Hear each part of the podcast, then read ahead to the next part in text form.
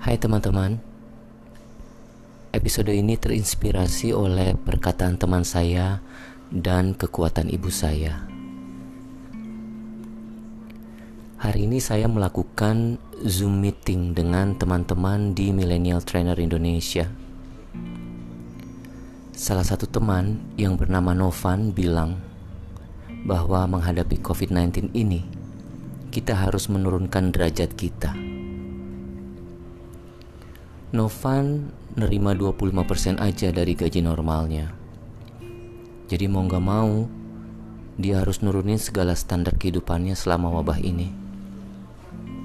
Mungkin itu maksud dia dengan menurunkan derajat ya. Mungkin. Tapi yang pasti, perkataannya itu jelek banget ke hati saya. Kemudian tadi pas ikutan buka puasa di rumah orang tua, ibu saya menunjukkan sesuatu yang lebih jelek lagi. Bikin hati pengen nangis.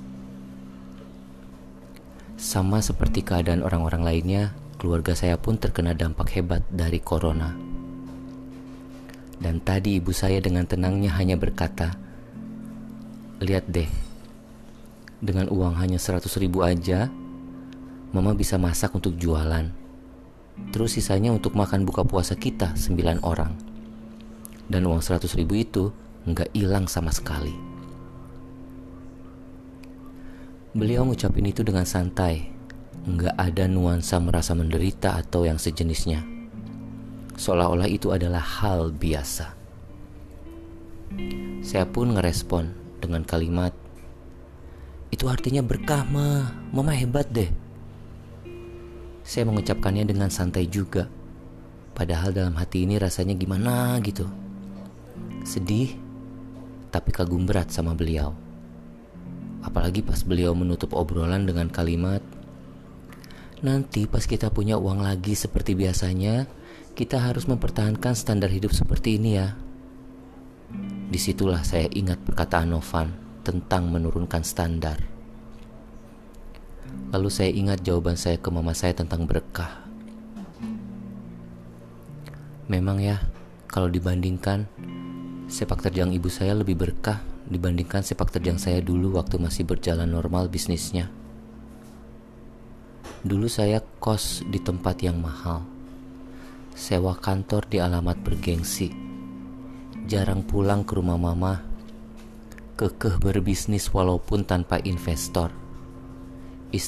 Intinya, semuanya tuh dulu terkesan maksain diri karena dulu itu kita yakin bahwa kalau kita berjuang keras, kita pasti akan sukses suatu hari. Tapi hari ini saya punya sedikit perubahan dalam sudut pandang saya tentang kesuksesan. Bahwa ternyata kesuksesan itu hal biasa.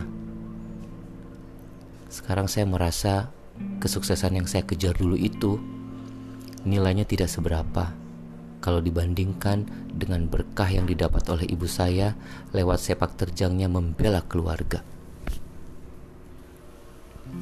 Jadi, pelajaran yang saya dapat hari ini adalah tentunya dari ibu saya bahwa saya harus mencari berkah apa pun bisnis saya itu.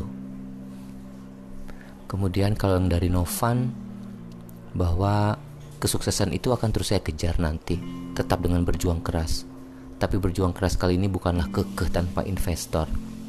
Tapi mau tanpa investor maupun dengan investor, yang penting saya harus mau dan berani menurunkan derajat dalam hal gaya hidup saya selama saya berbisnis lagi nanti.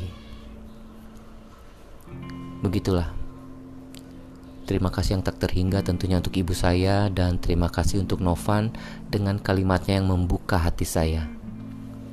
Juga buat teman-teman yang mendengarkan podcast saya ini, terima kasih sebesar planet. Thanks a planet and have a good one.